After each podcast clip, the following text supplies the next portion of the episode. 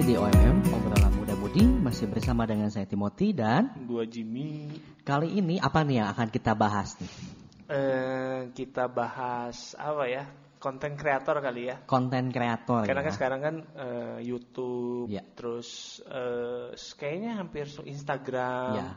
semuanya kan udah mulai banyak banget nih konten-konten ya, yang bagus. menciptakan konten-konten bagus. Iya. Terutama sih paling booming di YouTube ya. Kalau konten kreator itu kan lebih banyaknya ya. Ya, entah kontennya bagus atau enggak ya. Ya, Tapi kan mereka disebut kadang kan Konten kreator. orang aja. nyebutnya konten kreator. Padahal sebenarnya nggak semua disebut sebagai konten kreator juga ya. Ya, nah kita ngobrol sama Pakarnya langsung yang sudah berpengalaman di bidangnya. beban bebannya berat. Oh iya bebannya udah disebut pakar. Ya, Memang sih beberapa kali pernah ke dago pakar tapi bukan. Kenalin ada Bang Victor di sini. Iya. Halo, halo semua. Eh, kali ini boleh podcast perkenalan. Om sama Om Om. Oh iya benar-benar. Kayaknya paling senior ini ya. ya, ya, ya. Karena pertama kali Jimmy eh, yang ngajakin Iya. gitu ya, yuk ngobrol-ngobrol di sini di Om.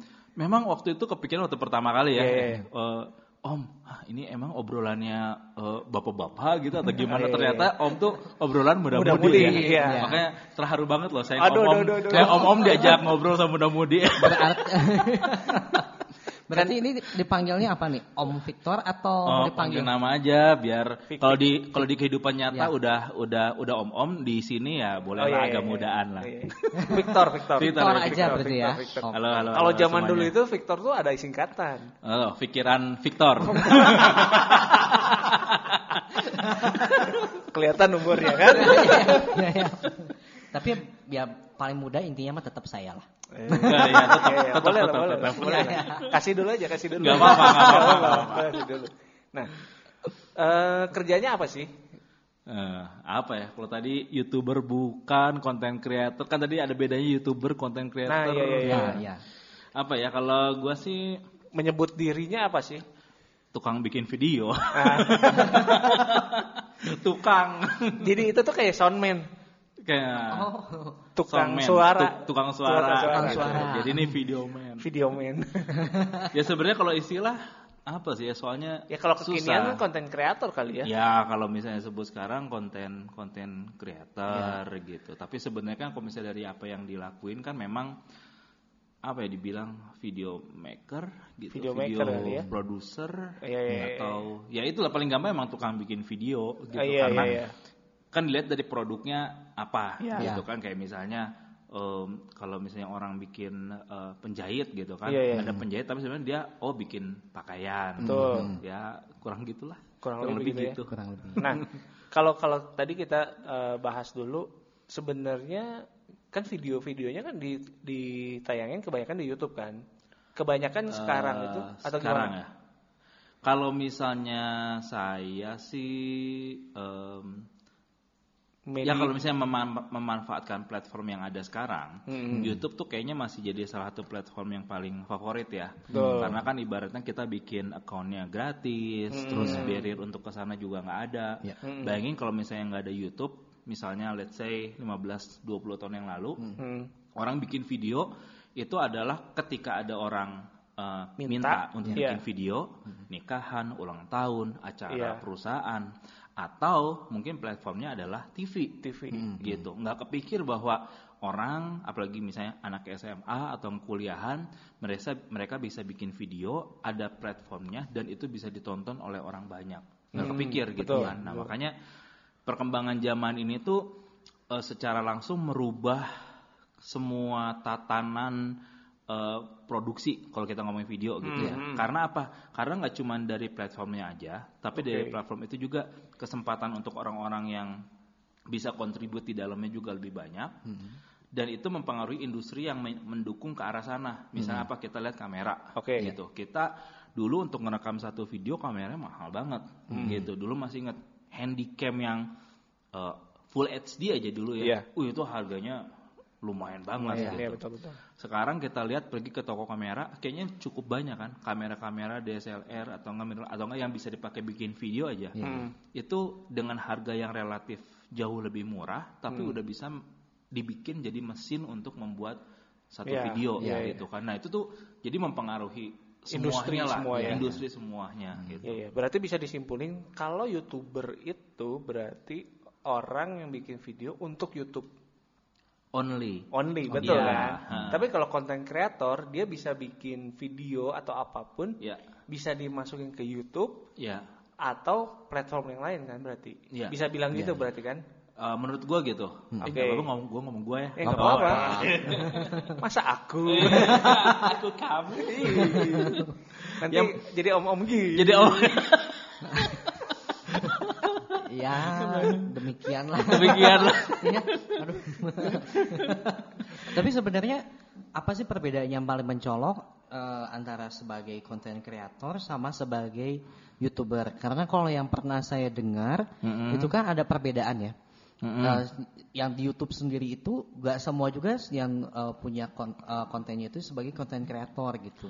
Eh, ya dulu sempat ada obrolan lah, obrolan ringan gitu ya.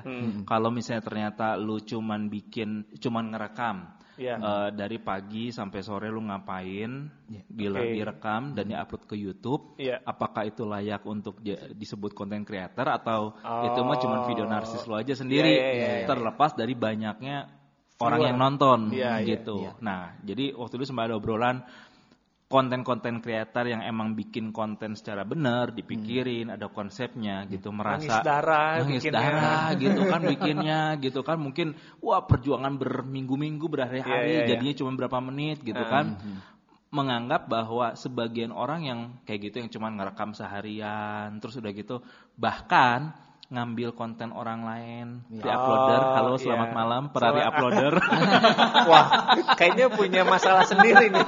oh tentu Oke, lanjut. Iya, iya. Nah, re-uploader kayak gitu apakah itu juga layak untuk dijadikan eh, dikasih Title. title, Ya, sebagai content creator? Ah, iya, In iya. fact, mereka memang eh, membuat satu karya video, oke. In fact, mereka ditonton eh, banyak orang, oke.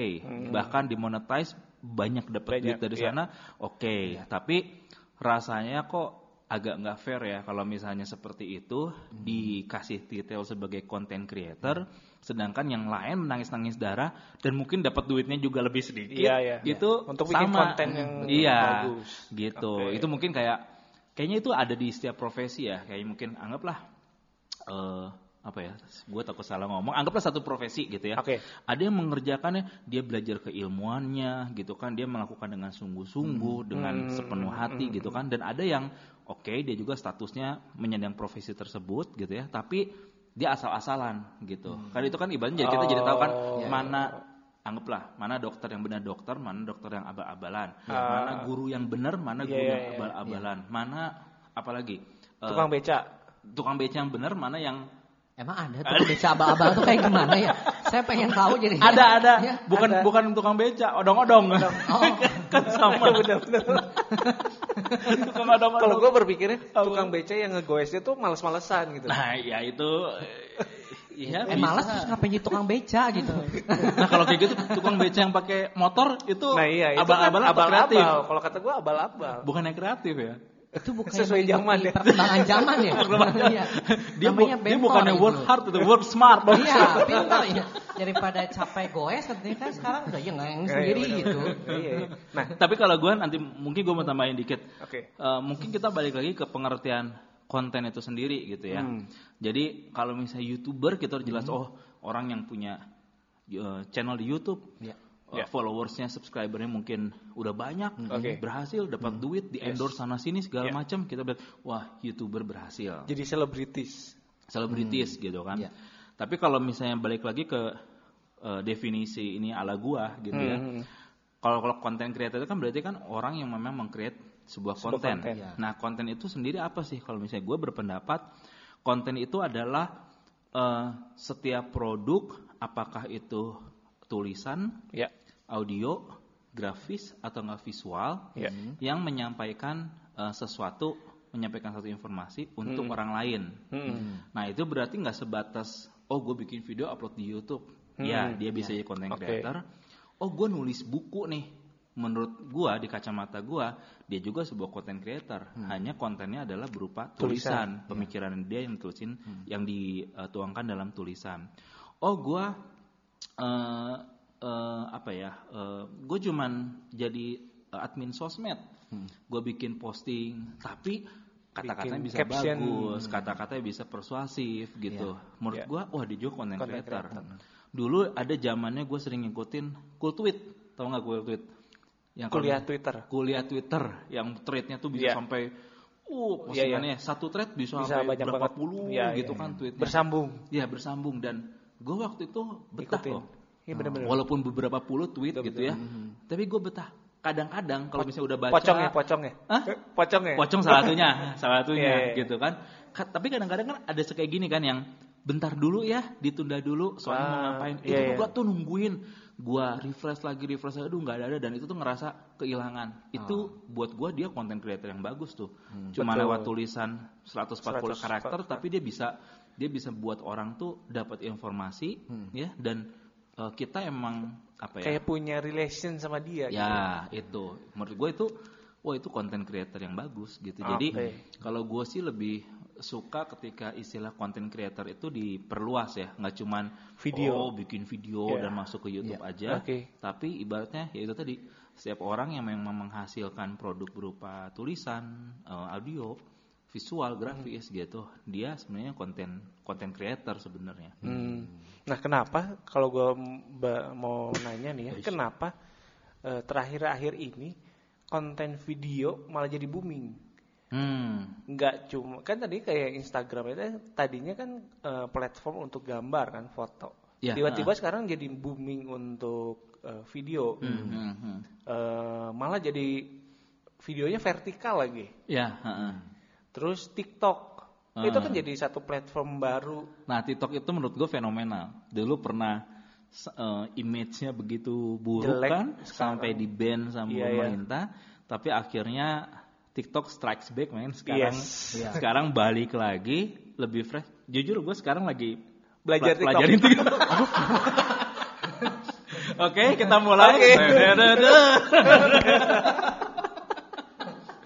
Karena jujur loh, sekarang eh, dibanding Instagram gitu Iya, ya, iya. kadang-kadang fresh ya. lebih lebih fresh TikTok Iya tuh sih. dan lebih uh, entertaining memang gitu. Iya, iya, Walaupun nggak tahu ya mungkin beberapa bulan ke depan, setahun ke depan apakah masih seperti itu juga atau enggak karena belum ada iklan yang masuk banyak. Tapi um, lebih entertaining karena mungkin durasi lebih pendek. Tapi Hmm. menurut gue juga banyak hal-hal yang, wih ini kreatif, ini lucu yang ada di sana gitu. Hmm. Kalau Instagram tuh sekarang udah mulai banyak yang ya mungkin banyak yang jualan ya kita Ya. juga jadi rasanya oh aduh ini kita dijejel ini sama Hmm. Udah mulai sama banyak iklan lagi ya. iklan gitu dan kita juga cenderung untuk Mengiklan apa ke sana malah sekarang kan Iya. berpikiran paling gampang, paling murah. Heeh, heeh, ke sana gitu. Jadi ya itulah ya ngomongin TikTok itu itu fen- fenomenal buat gua. Nah, kenapa kalau ngomongin videonya, kenapa sekarang tuh video jadi apa ya konten favorit di berbagai platform? Hmm.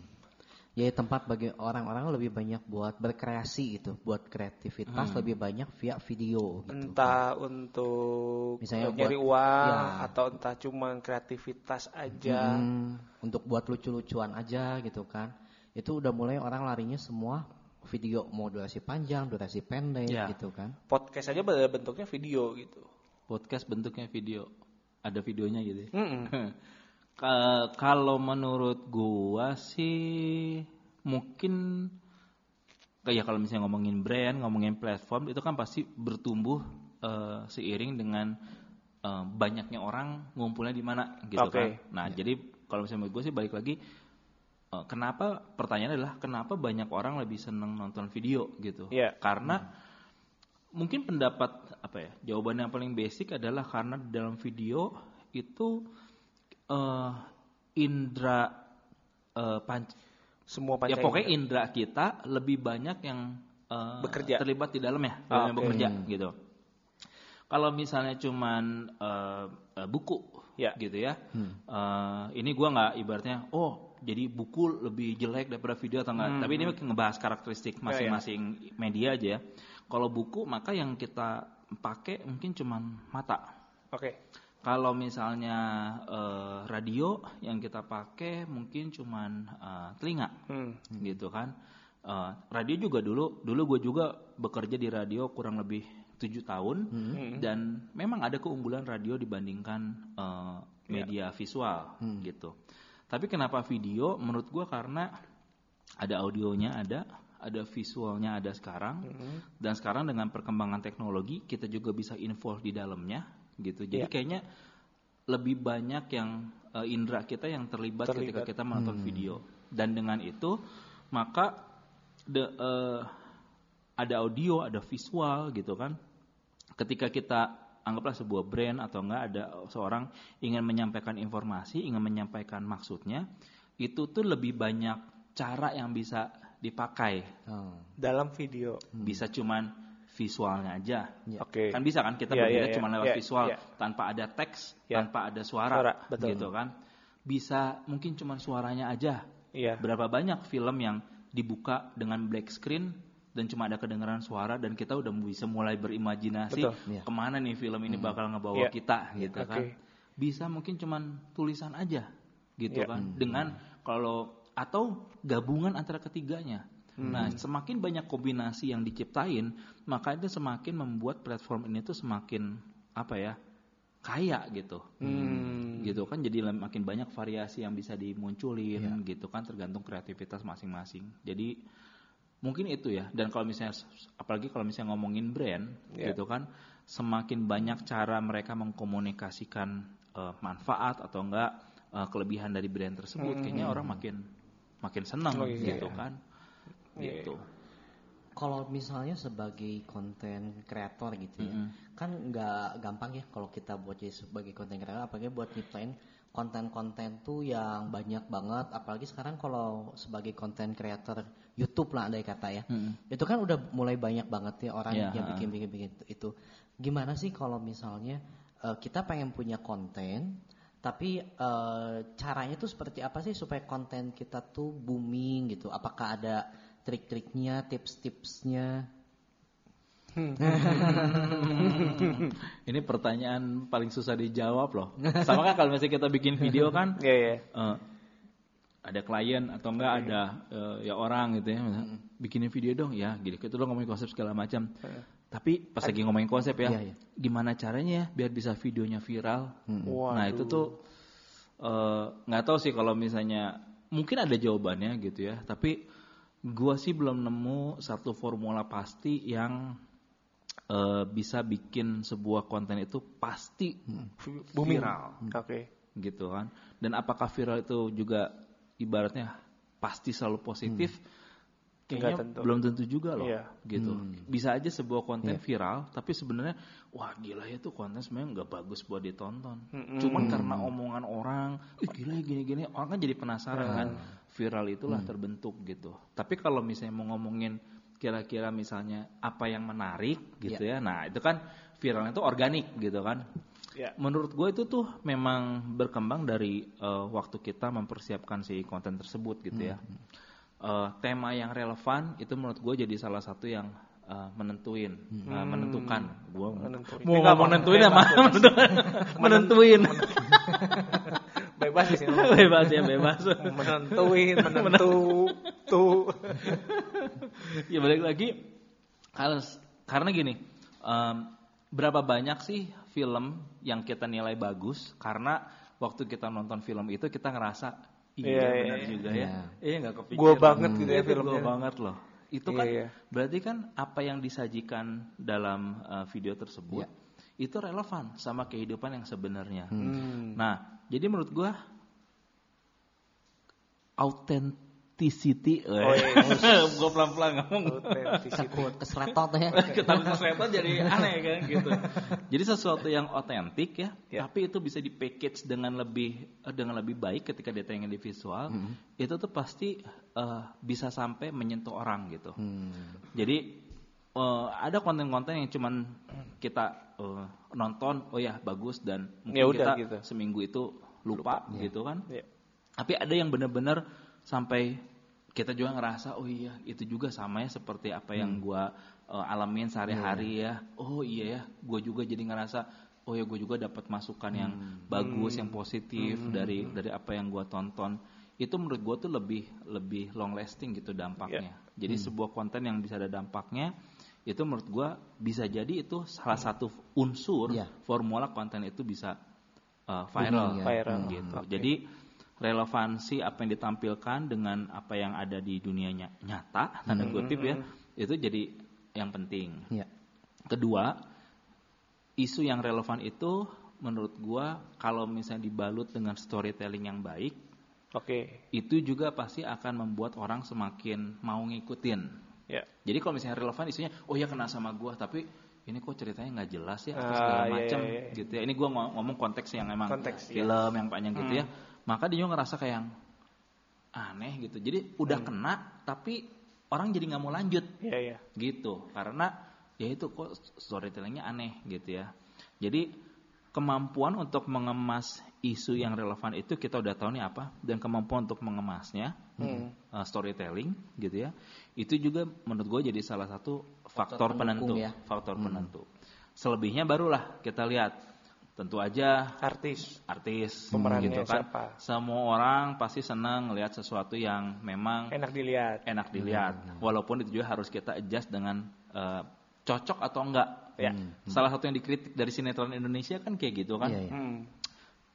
mainnya pembantu rumah tangga tapi kok cantik banget ya Iya. Iya, kayak yang ganteng, eh taunya serigala. Itu nonton yang kayak gitu, baru tahu loh. Ini ikut castingnya dulu di Iya. JW Oh, jadi apanya? Pemegang lampunya atau? Enggak, aumannya kurang. Jadi enggak masuk. gue juga ikut dulu waktu audisi GGS itu ikut GGS. Oh, jadi Jadi- apanya? jadi pohon Kayaknya kurang kurang berambut ya. Iya, gue gue masuk, cuma masuk. kalian nggak tahu aja kan? Oh, iya, iya. Ya karena gue jadi pohonnya itu. Oh, ini Jadi banget ya apa? Me- menjiwai, menjiwai sampai Menjiwai. sampai Iya, orang-orang sampai nggak orang nggak tahu. nggak ada yang Iya. ngeh gitu. Oh, itu ada Iya. pohon gitu. deket banget gue dulu tuh sama Prilly sama Waduh. Aliando tuh deket banget gue. Oh gitu, udah CS ya, udah sohib ya. Uh, CS banget gitu. Kalau Oh. misalnya ini Aliando, ini oh ini nggak kelihatan ya? nggak kayak YouTube ya. Aduh, aduh maaf ya ini karena podcast nggak jadi nggak bisa diperagain ya. Malah jadi garing nanti. apa katanya ngomongin apa? Aduh. Nggak apa-apa, jadi kan bisa berimajinasi gitu kan. bisa berimajinasi. Nanti mungkin ada request, coba Om bikin YouTube channelnya dong. Nah. Ah, Nanti kan tinggal bilang, ya udah, gimana kalau misalnya YouTube channel kita ada tapi sponsorin dong. Ah. Nah, ini nih yang gue suka nih. Segala sesuatu sekarang harus ada faktor pendukung. Faktor pendukung. Nah, itu, Betul. itu dana tuh salah satu Bener. faktor pendukung. Iya ya. Betul, Maksudnya eh, kan kalau kalau kayak tadi kan ngomong ide ide gratis lah ya. Iya. Pemeran oke lah. Nah, Alat Hmm. alat oke. kamera Heeh. eh, kalau ya maksudnya kamera audio Iya. atau misalnya pencahayaan Heeh. itu mempengaruhinya berapa persen sih ke konten yang jadi bikin konten itu tambah bagus gitu. Hmm. Kalau gua sebenarnya bagus enggaknya tuh gue selalu gini, bagus enggaknya sebuah konten itu sebenarnya tuh nggak terlalu bergantung pada Alat-alat. pada alat Oke. gitu kan. Ada idiom yang bilang uh, the important thing is uh, the man behind the gun, not the gun itself gitu kan. Iya. Uh, memang bisa jadi uh, sesuatu, tapi kalau misalnya orang nggak tahu juga bagaimana mempergunakannya, Hmm. sama-sama aja, Iya. gitu kan. Oke. Gue pernah ketemu ada satu anak SMP waktu itu bawa-bawa kamera eh, merek eh eh, boleh sebut merek boleh ya? Boleh, nggak apa-apa. Eh, Belum ada ini soalnya. belum Dulu ada pada sponsor. zaman Canon 5D Mark II baru Oh, ini, keluar. Ini. Ah, Oh. ini seperti ini. Siapa gitu tahu kan. dia di, di endorse lah ya Ah, sama iya. Bayangin 3 SMP Jim bawa-bawa kamera kayak gini. Wah, bangga banget ya. Ah, Keren dulu banget. orang-orang yang se ya seumur lah ya sama gitu, Hmm. kamera itu masih zaman eh dulu tuh apa, 550D atau gimana lah. Pokoknya yang Oh. yang yang, Iya, iya, yang di bawahnya ini gitu. Bisa dibilang dua kelas lah Dua di kelas, bawahnya iya. gitu ya. Tapi mereka pakai itu emang udah buat cari uang buat Ah, kerja iya, gitu kan. Dan ketika ngeliat anak 3 SMP ini pakai kamera uh, 5D dan motretnya juga dengan mode otomatis itu kan jadi kayak yang wah lu punya kamera kayak gitu tuh. Ibaratnya kayak itu tuh powerful banget itu bagus. Iya, iya. kok lu bahkan pakainya pun pakai otomatis gitu. iya, iya. kan itu sesuatu yang sayang banget ya. Padahal lu punya punya kapasitas untuk pakai lebih besar. seperti itu. Iya, iya. nah apakah hasilnya pasti anak itu lebih bagus? Belum, Belum tentu tentu. juga gitu. Nah jadi untuk membuat satu eh, apa ya satu karya lah satu produk eh, visual gitu ya memang alat itu nggak bisa jadi faktor penentu. Oke. tapi gue mau bilang gini ketika misalnya kita udah sampai level tertentu Ya. misalnya kita udah menjadikan em, ya video making ini sebagai eh, sebuah Profesi. eh, bisnis Ya, bisnis. profesi tetap, ya, ya. gitu ya kadang-kadang itu justru menjadi faktor penentu kita dealing dengan bisnisnya atau Ya. enggak Betul. walaupun kita pede tetap bisa eh, menghasilkan satu produk yang bagus dengan eh, alat yang lebih terbatas Ya. tapi to expand the capacity kita kadang-kadang harus upgrade alat kita Ya. Setuju sih. dan termasuk ketika kita mau kasih harga yang lebih Lebih tinggi. tinggi, Ya. iya. Kita- Malu dong kalau misalnya budgetnya berapa? 50 juta, kameranya kamera Handycam. mirrorless. Aduh, Ah, itu kan kadang-kadang oh berarti ini budget gua ketinggian nih gua Iya, kasih buat lu iya, iya. gitu. Iya sih. Dan ada beberapa kalau misalnya kalau misalnya buat teman-teman yang emang uh, udah pengalaman juga di sini, kadang-kadang kan emang ada hal-hal tertentu Ya. uh, sort of quality yang memang nggak bisa dicapai Dikejar. dengan alat yang uh, yang yang Yang terbatas, terbatas. gitu kan. Jadi memang kita harus upgrade alat kita untuk mencapai that certain quality. Tapi balik lagi itu nggak bisa jadi alasan oh gua tunggu deh sampai gua nabung punya punya duit untuk beli kamera yang benar-benar high end baru gua mulai untuk buat video itu juga menurut gua cara berpikir yang keliru Salah, tuh iya. gitu justru lu harus coba bagaimana lu expand your capacity dengan sesuatu Alat yang, yang terbatas terbatas. dulu Ah. Betul. jadi ketika some, uh, somewhere lu udah punya kesempatan untuk upgrade uh, ya facility-nya Iya. kapasitas lu udah nyampe buat maksimalin itu gitu Hmm. Berarti kalau kalau kayak gitu peluang bisnis nih untuk seorang konten kreator di masa yang sekarang tuh besar banget, nggak gitu? menjanjikan. Heeh. besar banget Oke. besar banget gitu Berarti sangat menjanjikan ya untuk sebagai content creator pada saat ini gitu. Um, menjanjikannya untuk uh, gua Sebagai-. Iya, kalau iya. misalnya gini menjanjikannya as in once lu masuk ke sana lu bakal Langsung, dapat iya, duit iya, iya. banyak Ah, itu kan banyak faktornya Banyak ya faktor, gitu. betul. lu jago tapi kalau lu nyebelin juga lu nggak Iya, akan iya. bisa dapat Ah, duit eh sorry nggak akan bisa dapat duit dari sana men Iya. gitu Iya, iya. jadi banyak faktor tapi kalau misalnya Sebagai melihat dari peluang bidangnya bisnisnya. Iya, ibarat iya. gini kalau misalnya orang mau garap sawah ya Iya. Mm-mm. sawahnya tuh gede banget ladangnya tuh gede banget tapi kan lu harus Mau lu nanam apa, emang kan? pertama harus mau nyangkul sawahnya Mm-mm. lu emang harus Oh. punya peralatan untuk nyangkul sawahnya lu harus Iya. punya pengetahuan bagaimana cara menanam bibit dan memanen yang benar gitu kan Iya, kalau iya, enggak iya. lu punya lahan segede apa pun itu akan sia-sia cuma Iya. bisa lu liatin doang gitu nah tapi menurut gua potensi itu gede banget karena kalau misalnya kita lihat dulu aja ya ini kan sesuatu yang baru nih Iya. sekarang gitu ya bahkan tadi waktu kita ngobrol-ngobrol off air kita bilang kan ada pekerjaan-pekerjaan yang dulu 15 tahun lalu 20 tahun lalu Nggak ada. nggak ada Nah. gitu kan dan kalau misalnya kita ngomong sejarah memang ini tuh ibaratnya kita memasuki satu apa ya satu peradaban yang baru gitu Iya. dulu kan kita kenal lah revolusi industri belajar apa dulu sosiologi atau sejarah ya gue udah lupa Sejarah itu sejarah. sejarah ya. Revolusi industri pertama, oh dari Mesin manusia sampai ke mesin uap, Iya. gitu kan. Wih bagus nih, jadi ada pabrik apa segala macem. Mulai masuk revolusi kedua, bukan lagi uap tapi listrik. Wih Hmm. Nah. lebih efisien, lebih, cepat. cepat segala macam dan akhirnya ada hal-hal baru yang muncul, Betul. gitu kan. Jadi ada ya banyak lah gitu. Tukang Jadi listrik listrik gitu ya. segala Iya. macam gitu kan setelah berapa puluh tahun eh, itu kan di awal abad ke-20 kalau nggak salah ya setelah berapa tahun muncul revolusi industri ketiga yang mulai memasukkan internet, Internet. Ya. online dan segala macam gitu kan nah sekarang ini kan lagi rame nih disebutnya oh kita ini udah 4.0 gitu Nah. bahkan ada jokes nih tentang 4.0 Apa? tapi itu menyangkut nama salah satu petinggi pemerintahan nggak apa-apa ya. Waduh, nggak apa-apa lah. tapi ini cerita nyata Ya bisa nanti di- Inisial aja, inisial. Gitu, Inisial bisa ya. gitu lah ya. Inisial. Jadi eh, inisial ada eh, gubernur ya. Iya. Eh, gua nggak sebut itu Anies Baswedan, jadi Hah? sebut aja Eh, AB gimana? gitu. ya. AB, Eh, iya, iya. oh udah kesebut ya. Enggak, kan kita nggak sebut. Kita, gua nggak sebut loh, gua nggak Iya, sebut iya, Anies iya. Baswedan, enggak. Kita panggil aja AW, AW, AB ya, AB. AB, AB. Iya, iya, iya. Nah, jadi di satu acara dia tuh ngomong, kita ini se- sekarang udah bergerak ke masyarakat 4.0 Iya. gitu. Dan kota Jakarta eh, di bawah kepemimpinan saya itu akan jadi kota dengan konsep 4.0. Yes. Maksudnya gimana? Maksudnya 4.0 ini adalah kemajuan teknologi dan kolaborasi. Jadi pemerintah kota ini membebaskan para, para warganya untuk menyampaikan ide mereka yang berhubungan dengan teknologi, yang kreatif, yang inovatif.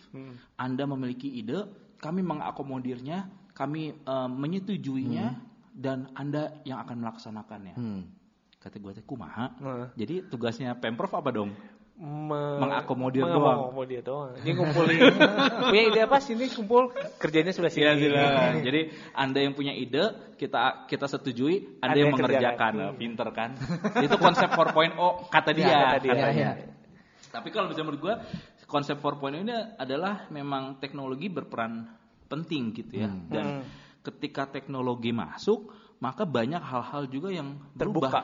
Nah. terbuka dan berubah. Berubah, ya. Kayak misalnya kita per- sering dengar lah artikel gitu ya bahwa ada pekerjaan-pekerjaan yang bakal digantiin nggak cuma Iya, sama iya, betul. manusia loh, sama Hmm, mesin gitu. mesin, iya. Dan itu mulai kejadian men. Hmm. Sekarang aja ibaratnya kalau misalnya kita eh, segala sesuatu tuh makin ke arah teknologi kan. Betul. Bayar aja sekarang jujur ya, ini bukannya nyombong bukan gimana tapi gua lebih sering susah nyari uang di dompet loh. Waduh. Jadi mau bayar parkir, aduh nggak ada. Tapi saldo di GoPay gue banyak nih. Jutaan ya. nggak jutaan juga sih, tapi ada lah gitu. Berarti transfer ya ke parkirnya. Nah, itu susah kan Iya, iya, gitu. iya. Jadi nyadar-nyadar, iya ya, kenapa sekarang lebih jarang bawa duit cash? Iya, sekarang lebih panik ketinggalan handphone daripada ketinggalan betul, dompet. gitu. Betul, betul Kalau banget. dompet ketinggalan dompet ya udahlah, bayar bisa cashless. Iya, Hmm. Tinggal kayak scan, gitu. scan. Iya, iya. Kalau misalnya, aduh ini nggak bisa bayar cash, masih bisa. Oh sekarang kan ada ATM yang bisa cardless. Iya, Nah, ada cardless. Tetap masih bisa Masih aman bisa, bisa, gitu bisa. kan. Nah jadi menurut gua itu tuh kemajuan teknologi itu juga membuka banyak hal. Nah salah satunya adalah ini. Kalau kita ngomongin konten creator, Hmm. itu kan ngomongin tentang ada eh, porsi yang besar untuk kreativitas di dalamnya. Hmm. Nah, pekerjaan-pekerjaan yang di dalamnya mengandung cukup banyak porsi kreativitas adalah pekerjaan yang tidak akan musnah Oh. untuk 20 30 tahun ke depan. Hmm. Hmm. Jadi pekerjaan-pekerjaan yang melibatkan kreativitas, Kreativitas, iya, iya. itu tidak akan musnah. Contoh. Tapi pekerjaan-pekerjaan yang cuman by system, Iya. by rules, Oh. itu akan musnah karena itu akan digantikan dengan uh, teknologi ya. Hmm. gitu. Kreativitas Contoh misal musisi. musisi untuk bikin musiknya, bikin apa? hasilin sound kayak gimana Iya. memang banyak toolsnya. Betul. Tapi bagaimana menciptakan Nah, kata-katanya, bagaimana menciptakan alunan harmonisasi lagunya, nada-nadanya. itu mungkin bisa. masih butuh otak manusia, Iya. gitu Oke. kan? Gitu. Terus Cuma arsitek arsitek untuk ngerancangnya bisa, bisa. Eh, kan banyak softwarenya, Betul. Iya. tapi imajinasinya Hmm. Tetap masih butuh. tetap kan gitu. Video, storytelling segala macam. Hmm. Untuk alatnya sih benar ada teknologinya. Tapi untuk bagaimana ini ada konsep, bagaimana ya bentuk bentuk kreatifnya supaya pesan ini bisa disampaikan dengan cara yang lebih enak. Iya. Itu masih membutuhkan manusia gitu. Dan ya itulah pekerjaan-pekerjaan yang seperti itu yang masih membutuhkan manusia. Satu ya dari sisi eh, lamanya ini prospeknya ini masih oh berpuluh-puluh tahun ke depan gitu. Tapi kita harus ngikutin juga dengan berkembangnya ada eh, VR, eh, terus eh, AR dan segala macam. Kita mungkin kita juga harus upgrade, Harus upgrade, tambah betul. pengetahuannya ke Iya, sana gitu kan. Iya. Nah, itu ke satu. Terus yang kedua, dari jenis pekerjaannya, kalau gue lihat yang berhubungan dengan ini tuh semakin apa ya, pekerjaan tuh semakin dalam gitu. Jadi gini, Spesifik ya. semakin spesifik. Hmm. Dan Oke. orang tuh bisa kalau misalnya gue lihat semakin spesifik, semakin dicari sama orang lain. Hmm. Gitu. Gue nyadar ini eh, ya mungkin teman-teman tahu lah ya, apalagi yang para freelancer di sini tahu eh, situs Fiverr. Ya. Nah, dulu tuh cuma editing demam. video ah Demam. dem- oh, eh, Fiverr itu Oh, Pak, Fiverr. Oh, bukan, bukan. Salah, maaf. Fiverr itu ini rasa ya, ada strawberry Fiverr, coklat Eh, flavor, Oh, flavor. flavor, flavor. Mau mencoba? Apanya? Ah, udah. udah nggak lucu. Iya, aduh. Karena paling muda, jadi saya cuma pendengar para om aja dulu aja. biar para om saya kasih waktunya aja. Waktu dan tempat saya persis. Jadi cerita ya udah jadi cerita dikit lah. Jadi Iya. Fiverr itu apa? Jadi itu tuh kayak satu semacam website Hmm. yang di dalamnya tuh orang tuh ada transaksi gini lah. Eh gue bisa ini, gue bisa jual jasa ini dan ada pembeli dan penjual jasa itu ada di sana. Iya. Oh kayak Tokopedia tapi jualannya jasa. Jasa, Oke. gitu. Jadi gue bisa foto. Eh gue kebetulan gue butuh fotografer, nggak bisa. Nah, Ya, tetap bisa transaksi di Kalau sana lah itu sih gitu. kayak kemarin salah satu web yang saya buka juga. Di situ tuh jadi dia untuk pencari sebagai misalnya kita punya keahlian apa, Ya. sama di situ tuh sama dia na- uh, na- men- mencari apa yang dibutuhkan misalnya saya butuh orang untuk membuat suatu web nih. Iya, di- iya, iya. sekiranya kita cocok, kita tinggal klik apply. Nah, Iya, iya, kayak kurang gitu, kan. gitu. Nanti dia tinggal tes misalnya cari dari 10 orang yang apply, dia bisa pilih langsung sendiri yang cocoknya apa Betul. gitu ya. Karena kita bisa lihat dari rating, Iya. dari review orang lain. Mm. gitu. Betul, kurang lebih seperti itu. Nah, yang gue mau ngomong adalah eh, makin ke sini, Mm. gue ngelihat ya list pekerjaan yang ditawarkan itu Mm. semakin banyak semakin dalam. Oh. Dulu mungkin cuma video editing doang. Iya. Oke. Anggap ya satu Iya. ya, video editing. Berarti lu ngapain? Ya lu editing video aja. Ini file mentahnya lu editing jadi Edit. bagus. Ah. Sekarang video editing tuh ke breakdown. Bisa, oh gua nggak cuma ngerjain openernya doang. Oh, Ah. gua cuma ngerjain grafisnya doang. Oh, gua cuma ngisi suaranya doang. Bahkan ada yang jual jasa, gua cuma isi subtitlenya doang. Serius? Serius. Oh gue mau lah. Itu. Cuman Gue masukin transisi doang deh. transisi doang. Transisinya lu beli yang pack lagi ya. Ini kalau gitu saya bagian Modal lima ratus ribu, jadi bisa dapat berkali-kali ya. Saya bagian komen-komennya aja Bagian kalau gitu. nah, bisa juga Iya, tuh. bisa juga ya. Saya bagian Sekarang komen kan aja. ada kayak gitu bro, auto likes, auto kayak Nah, gitu. itu. saya bagian komen-komennya aja. Kalau dia omongannya nyinyir terus. Oh iya, iya. gitu. Sekarang ada nyinyir juga. Eh bahkan gue gue pernah ini ya, pernah ada akun Instagram Eh. yang eh, ibaratnya gini, dia tuh ngejual jasa. Iya. Jimmy nih Eh. mau ngomong sama si Timo, Eh. tapi lu nggak mau si Timo tahu lu yang ngomong. Eh. Jadi si akun Instagram ini jual jasa, lu mau ngomong apa Jim? Gua yang omongin ke si Timo Oh. lewat sosial media. Oh, Dan iya? lu bayar gua. Gila nggak coba? Gila ya. Itu, kayak udah kayak lambe tura gitu ya penyebar. Iya lambe terus tapi pakai orang ketiga gitu. itu tuh kejadian itu sebenarnya udah lama. Hah? Kejadian apa? Proses itu Prosesnya banyak, udah lama. Banyak. Dulu Tapi- kayak gue suka sama cewek, nggak berani ngomong langsung. Nah, Butuh temennya yang deket teman deketnya. Hmm. cara malah- konvensional, Nah, cara nah, konvensional. nah. Nah, Akhirnya sekarang malah temannya yang jadian sama cewek itu. Wah, itu sesuainya lu. Ini juga bisa jadi. Iya, itu bisa jadi, kan. Aja ngomongin yang jelek nyerang si ini, eh si, si akun ini yang di report gitu kan. bisa jadi. Tapi Ada gitu ya. bayangin sampai segitunya gitu. Iya, iya. Itu tuh entah karena memang eh, netizen plus 62 ini terlalu kreatif ya. Waduh. Keluar juga istilah itu. Tapi bener loh itu kata-kata plus 62 lagi booming ya. Eh, Sampai booming. Sekarang ada acara TV-nya kan? Eh, plus Serius? 62. Serius di, Aha. di salah satu stasiun TV. Heeh. itu ada Inisial acara inisial. Depannya T, belakangnya 7. Oh, TR Tan TV ya, Tan TV. Tan TV 7. Tindo Tiar. Nah, jadi itu sampai ada acaranya loh. Oh. Eh, jadi ngebahas tentang kelakuan orang-orang plus 62. Nah, gue yakin itu lumayan bagus ratingnya. Karena lucu-lucu Iya, kan. iya, iya. Ada yang mak-mak gitu kan pakai helmnya dari tabung gas gitu kan sampai masuk TV viral gitu, Iya, gitu iya. kan.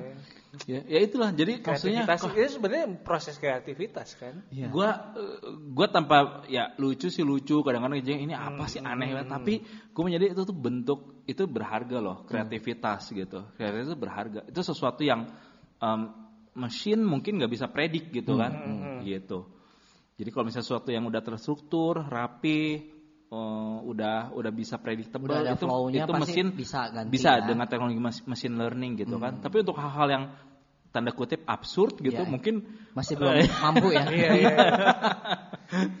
gitu ya tapi yang balik lagi gue mau ngomongin adalah jenis pekerjaannya tuh semakin banyak yang di area ini gitu ya udah semakin banyak dan umur dari masing pekerjaan pun lebih lebih lama Ah. karena yang tadi itu tadi gue bilang tadi gitu Hmm. itu ada proses kreativitas dan itu masih belum bisa tergantikan Hmm. oleh oleh mesin gitu jadi kalau mau ngomong secara potensi Besar potensinya banget ya. ada tapi bagaimana kita optimalin dari sana Hmm. apalagi kalau misalnya kita hubungin dengan berapa pendapatan yang kita dapat dari sana nah itu kan faktornya Iya, iya. cukup banyak, Banyak tuh. banget. karena itu ada faktor manusianya juga Iya. nggak cuman dari si eh, potensi eh, Hmm. eh, kerjaan itu sendiri By the way, kalau membahas pendapatan ya, Heeh. Aduh, Waduh. keringet dingin nih. sebenarnya sebagai Kantor pajak denger nih. Kantor lain denger nih. Oh iya, aduh. Ini zaman-zaman lapor SPT lagi. Ini 31 Maret nih, Bro. Iya, bentar lagi, Sebulan udah lagi. Udah bahaya nih bahaya. Tapi mengenai masalah pendapatan ya, Heeh. sebenarnya sebagai seorang konten kreator itu untuk zaman sekarang, apakah pendapatannya itu cukup menjanjikan nggak sih? Kalau misalnya sebagai ada kata masih seorang yang single nih ya, belum berkeluarga, terus dia eh, pekerjaannya sebagai konten kreator, apakah itu tuh udah cukup menjanjikan nggak sih gitu untuk saat ini? Sebenarnya kalau kayak kayak kalau kayak dari YouTube dia jadi youtuber kan eh, bisa kelihatan ya. Ya. Maksudnya tapi kan untuk mencapai eh, Ya. punya followers Tingkat segitu banyak, itu. tingkat tertentu kan prosesnya panjang, Ya, cukup hmm. banyak gitu. Mhm. Ya. Ya mungkin di dunia di luar YouTube juga kelihatannya kayak gitu ya. Em, iya sih, kalau misalnya ngomong kayak gitu, rasanya kita bisa em, pakai perbandingan yang sama ya dengan pekerjaan yang lainnya juga, gitu. Iya, iya, iya. Anggaplah seorang eh, Konten apa kreator baru. konten kreator Kayak baru. misalnya anggap gue videografer baru nih, baru merintis. Em, ya sebelum itu gue mau jawab gini dulu. Sebenarnya perbandingan itu bi- bisa gini juga. Apakah lu berkarir di bidang eh, video-videografian kayak gini, Oke. atau misalnya lu kerja di bank? Yes. Apakah menjamin lu kerja di bank selama 10 tahun, lu juga bisa dapat langsung, wih, top promotion, Nah. eh, top level management? Iya. Kayaknya banyak faktor untuk langkah ke sana. Seorang youtuber, apakah menjamin lu misalnya dengan dengan dengan bikin video dalam waktu lima tahun lu bisa mencapai seperti ini Atta Haleluya? Eh, Atta Halilintar ya. Bisa loh, stand up komedi loh. Iya kan kalau dulu namanya tuh Atta Halilintar Iya, kan karena iya, masih iya. waduh merasakan eh, mungkin Kejamnya getir-getirnya bikin Iya, iya. konten. Kalau sekarang kan udah tinggal nunjuk orang, Haleluya, apa, iya, iya, iya. udah jadi udah ngomong udah haleluya gitu. Uang masuk. Uang ya. masuk, haleluya. Iya, bisa bisa bisa bisa.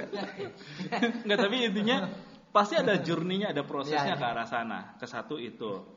Terus eh, kedua memang ya berhubungan sama yang tadi pertama bisa dibilang nasib, bisa dibilang mungkin timingnya, Betul. tapi kadang-kadang ada kita tuh nggak bisa ngukur perbandingannya tuh satu banding satu dengan yang lain. Iya.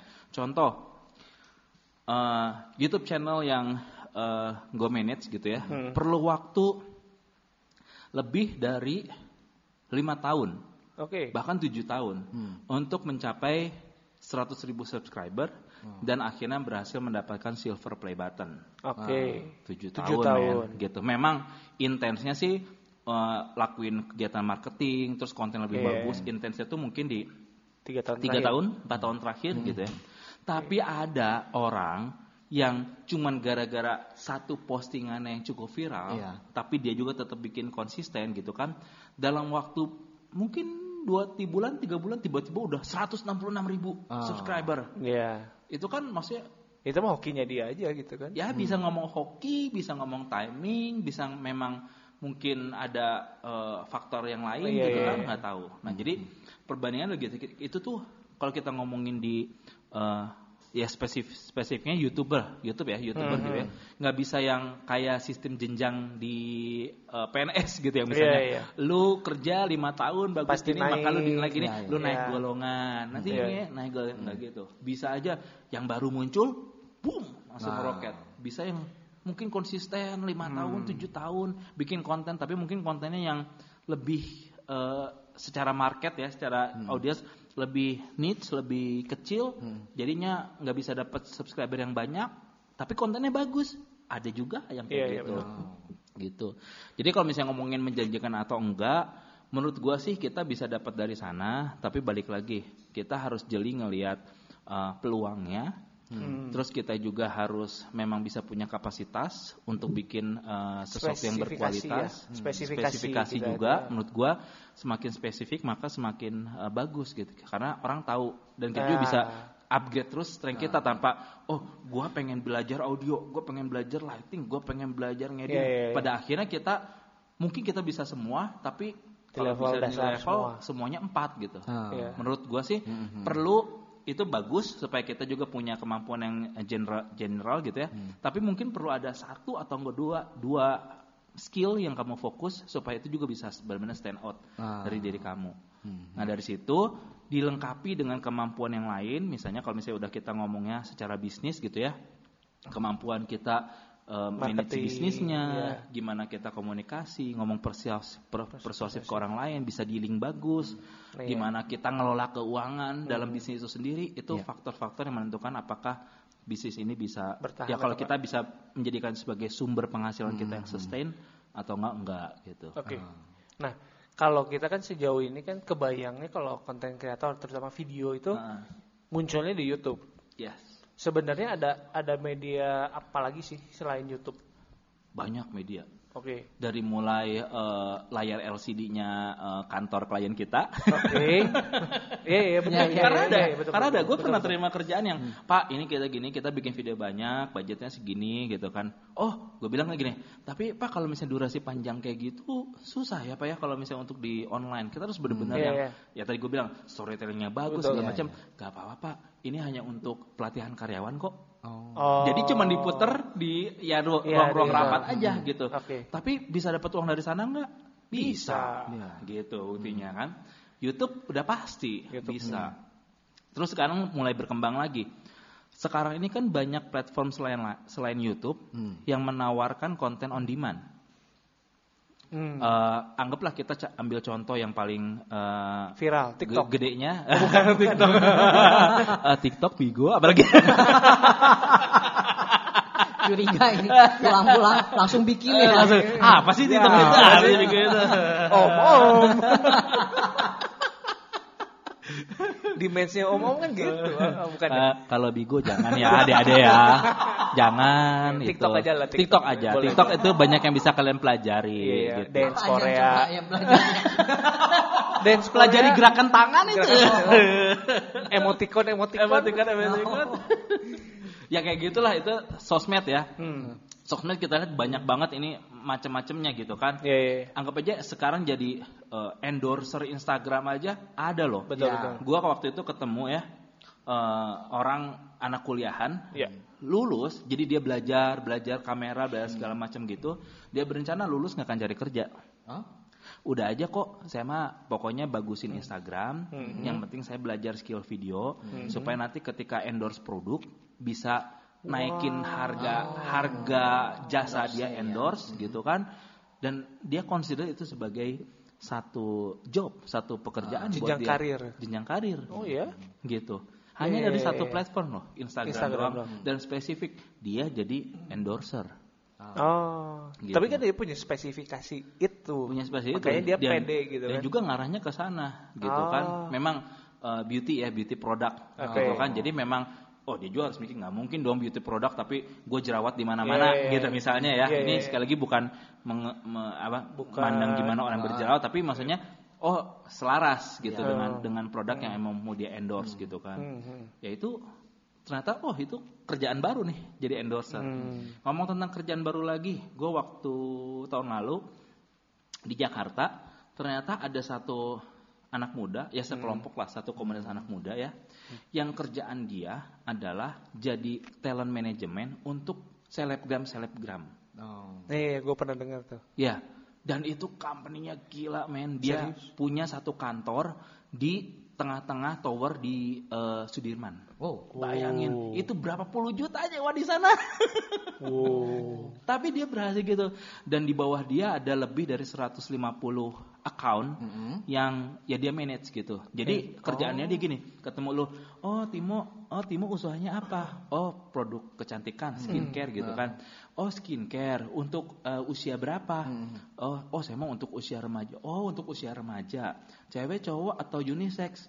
Oh saya mah eh, eh, cowok gitu ya. Oh, ini Iya, skincare remaja cowok, Cowok. gitu kan. Nah, gitu. Spesifik oh banget ya. gitu. Eh, Pak Timo ini kebetulan saya ada tiga account, ada si A, si B, si C yang mungkin cocok dengan produk bapak. Mau coba nggak pak? Mau Bisa coba, kayak bisa gitu. dicoba. Ya maksudnya mau coba pak. Wih, om-om bener nih. Pikirnya itu langsung klik gitu Ah, ya. langsung coba, Iya. langsung coba apa? Mau coba Iya. eh, skincare-nya Iya, dicoba dicocol kan. gitu ya. Nah, dicoba. Dicocol. aduh, aduh, aduh, aduh, ya. ya dicoba jadi amb- ambasadornya iya. apa model produknya gitu.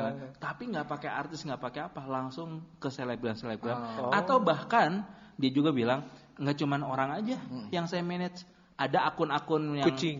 bukan sebutnya akun anonim bukan ya yang kalau misalnya nggak ada orangnya tapi misalnya yang rahasia lelaki Oh. itu kan nggak ada orangnya tapi kan Iya, iya. itu udah jadi Ada brand tuh iya, brand. Ah, dan jadi semua hal tentang cowok di review di sana segala macam. Nah, dia Hmm. manage itu juga dan dia dapat Ya, banyak tahu. lah dari Banyak, sana. Itu kan gini, kerjaan yang balik lagi. Waktu kita ngomongin tadi dengan perkembangan zaman sekarang, 20 tahun lalu nggak ada yang kepikir ada, kayak iya. gitu. Iya.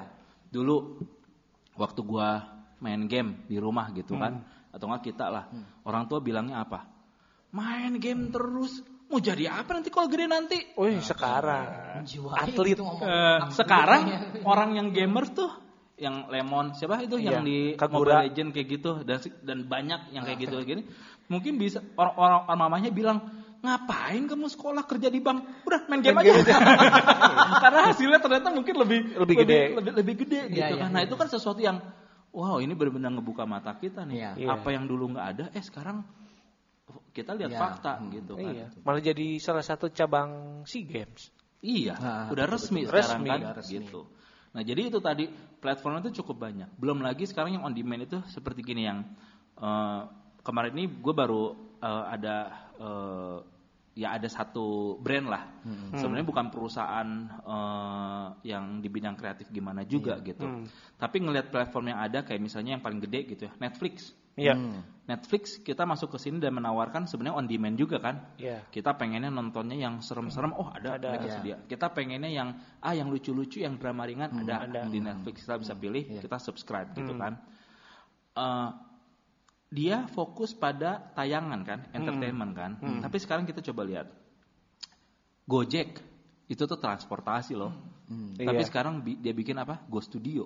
Mm-mm. Kita bisa nonton on demand juga di sana. Mm-mm. Apalagi Go massage. Go Kok ingetnya kayak gitu? Iya, ini tadi cowok dicoba, ini Ah, gue iya, massage gitu. Udah udah dihapus loh gue masak tuh. Oh, udah nggak ada ya? Udah nggak ada. Kelihatan kan berarti nggak pernah pakai. Kelihatan. Kalau ngomong GoFood kan udah biasa. Iya, GoClean, udah- GoClean. udah biasa. GoClean masih ada? Hah? GoClean masih ada? GoClean udah nggak ada juga.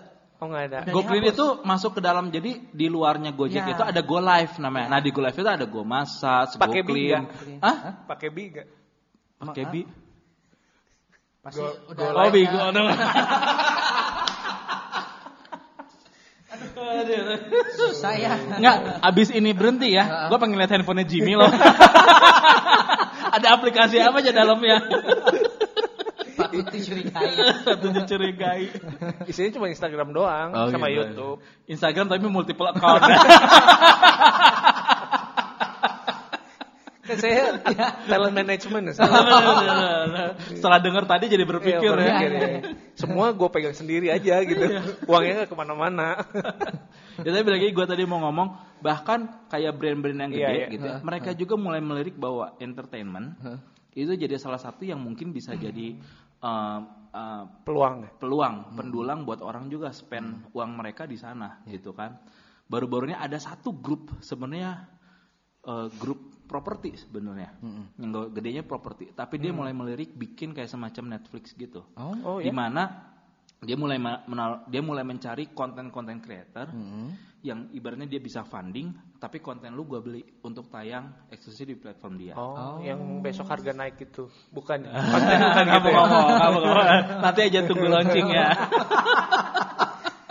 Dari tadi banyak ini ya. banyak kode, sisipan- banyak kode gitu. ya. Nah, nanti dijadiin Iya, nanti iya. ya. Inisial doang. Inisial doang. Jangan lupa dengerin sampai akhir, nanti berhadiah gitu. Ya, gitu kan. Jadi lumayan kan itu ya kan sampai habis nggak cuma 10 detik pertama.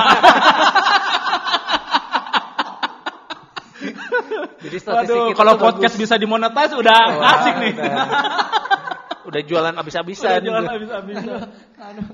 Nah, tapi intinya peluangnya gede lah, peluangnya, Peluangnya gede, Karena ya? orang juga kayaknya semakin ter apa ya? Mungkin terdidik kali ya kalau gue boleh bilang istilahnya untuk mereka mer- lebih merasa punya hak untuk memilih apa yang mau mereka tonton dan apa yang Iya, nggak mau iya. mereka tonton. Iya. TV udah udah nggak laku. Eh, ya. enggak. Gua gua nggak berani bilang nggak laku lah karena sebagian besar masyarakat Indonesia juga masih, Masih, nonton masih, TV gitu. Tapi masih. gini, untuk yang misalnya eh, segmen tertentu gitu Iya. ya, mereka bahkan oh gue pengen nonton hitam putih let's say. Yes. Mereka nggak nonton di TV. Iya. Mereka nonton, besoknya di YouTube. Betul. Gitu. Dan mereka cuma pilih, oh ini mah cuma perkenalannya gue nggak mau, gue Iya, pengen langsung skip. ke skip ke bagian yang si narasumbernya nangis-nangis ya. Iya. Bisa kayak gitu. Iya, iya. Nah itu kan Kebutuhannya udah ke sana ya. itu yang udah ada yang di TV bawa dibawa juga ke online Oke. gitu Iya, iya. kan jadi peluangnya masih gede gitu seperti yang tadi gue bilang sawahnya itu semakin lama tuh makin banyak lahan yang dibebasin lah jadi banyak lahannya masih terbuka lebar tapi kan memang kita juga harus punya kemampuan kapasitas kreativitas untuk lahan itu mau kita isi dengan cara gimana kalau semuanya semua lahan itu diisi cuma dengan tanam tomat doang Iya. maka ya orang akan bosen. Hmm. Apa bedanya tomat gua sama tomat yang lain? Gua harus bikin tomat yang berbeda. Hmm. Orang lain orangnya, oh gua tomatnya mungkin biru, Hmm. kreativitas itu. Betul. Tapi kalau misalnya Beracun. or-? Beracun. Beracun. Biasanya kalau biru beracun. Biru beracun. Dia dong. Apa maksudnya? Dia pakai baju biru, lu juga biru beracun. Iya, iya. Benar juga. Lanjut tuh kalau gitu. Lagi anteng dengerin Lagi dia. anteng dia dong. itu kayak kayak lagi ngelamun di kelas tiba-tiba dilempar kapur Wah, gitu. Ngomongnya kapur lagi ketahuan ya umur umurnya. Sekarang itu tuh udah pakai proyektor. Udah pakai proyektor, Iya. nah, pakai laser, saya tahun tahun gitu ya. lalu lulus SMA di sekolah pakai Oh, proyektor. Tahun tahun lalu. lalu ya. Tahun lalu. Nggak apa-apa kok Jim, kita nggak ngerasa muda kok, kita ngerasa lu lama amat ya di SMA. Bakotan banget gitu. Jemput ponakan. Jemput ponakan, Iya, jemput ponakan atau lihat? Mahmud. Ya. Itu intinya sebenarnya. Kenal ya kan kita harus memperluas ini kan. Ya, jaring memperluas network, jaring network. network. Iya. Segmennya biar banyak Betul. pilihan ya. Jimmy kan Betul. ini fotografer pre-wed, Betul. gitu. Jadi memang harus melihat yang cantik-cantik, Cantik. Iya. supaya matanya terbiasa. Iya, kalau nggak nggak kan- ada orang yang pengen lihat video pre-wed tapi jelek, harus beauty Iya. shot semua. Beauty shoot, Gitu. betul. Kamera 360 ya. Iya bisa. Gue bisa pakai handphone dong. Eh, Jadi apa tadi ngomong apa? Eh, Maaf ya ini jadi beneran obrolan om-om ini. apa ya tadi ya? oh, Lupa gua. platform-platform potensi Konten itu sawah-sawah. apa artinya? Tomat? Hah? Konten itu apa artinya? Balik lagi ke awal ya jadinya. Perasaan gue tadi udah ngomong. Kalau buat gue ya itu konten itu tadi itu tadi pokoknya produk, ya. tulisan, audio, grafis, visual Yes. yang untuk menyampaikan eh, sebuah informasi Hmm. kepada orang gitu. Jadi kalau misalnya gue bikin coret-coretan aja, apakah itu konten? Gue nggak tahu kalau misalnya orang lain punya definisi gitu ya. Tapi menurut gue kayaknya itu nggak me- nggak menyampaikan sesuatu informasi Iya. deh gitu. Tapi apakah iklan sebuah konten? Oh iya, gitu. Iya. itu kan menyampaikan sebuah informasi kan. Ya, apakah informasinya yang cuman nyebutin mereknya doang Hmm. ataupun nyebutin benefit-benefitnya tetap Iya. aja still. Iya, iya. Itu adalah sebuah information bahwa eh sekarang udah ada produk ini loh. Hmm. Dan produk atau nggak karya yang di dalamnya ada kreativitas untuk Hmm. bagaimana mengemas informasi itu menurut gue udah sebuah konten. Makanya baik Hmm. lagi bukan cuman video yang bikin videonya aja yang edit dan upload ke YouTube itu sebuah dibilang sebuah content maker Yes. atau content creator. Tapi mungkin admin sosial media yang tiap hari cuma mikirin caption ini udah, caption itu udah. Iya, iya. Karena men, ya kalau lu bayangin ya, lu lu jadi mimin sosial media. Dan kalau misalnya ini sebagai pekerjaan lu, lu nggak cuma manage satu account dong. Betul. Lu manage misalnya 10 Iya. account. Nggak mungkin semua semuanya lu cuman, "Hai guys, udah tahu belum? Kita ada ini." Iya, Itu kan nggak mungkin. eh, Iya. bosan gitu kan. Iya, Dia iya. harus berpikir gimana ya cara gua ibaratnya menyampaikan Sesuatu yang sama tetapi dalam kemasan berbeda. Iya. Nah. Apakah ganti redaksionalnya? Iya. Apakah Remis. misalnya coba kasih punchline punchline yang bikin orang eh apa nih gitu. Nah, itu iya. kan ada proses berpikir, ada proses kreativitas. Walaupun ujungnya cuma sebatas status, Betul. tapi itu adalah produk eh, eh, tulisan Iya. gitu untuk menyampaikan informasi. Maka di mata gua seorang mimin sosmed pun dia adalah sebuah content creator. Ah. Kontennya adalah tulisan. tulisan. gitu. Kayak misalnya teh, sekarang ada dalam kaleng. Bingung nggak kan? Nah. Dulunya dalam botol, Nah, sekarang dalam kaleng. Gitu kan ses- menyampaikan sesuatu dalam bentuk yang berbeda. iya betul. Padahal isinya yang sama. yang yang gua pusing makanya ada produk yang namanya teh botol tapi di plas eh, di eh, dus. Dus. Iya. Ada Oh sekarang ada di kaleng. teh botol kaleng ya. Iya. Nah, Hah, teh botol kaleng. Iya. tuh. Baru dengar loh. Aduh, nggak update deh. Makanya Lu mah gua- taunya teh botol dalam plastik ya? Yang belinya bukan ngambil tapi mang teh botol mang. Kalau gue sih sorry aja belinya dia yang ngambil sendiri dari Oh, iya. kulkas. Iya. Eh. Kalau lu masih pakai plastik ya? Aduh. Yang mangnya nanya dikaretin gak jang? Biar nggak tumpah dikaretin.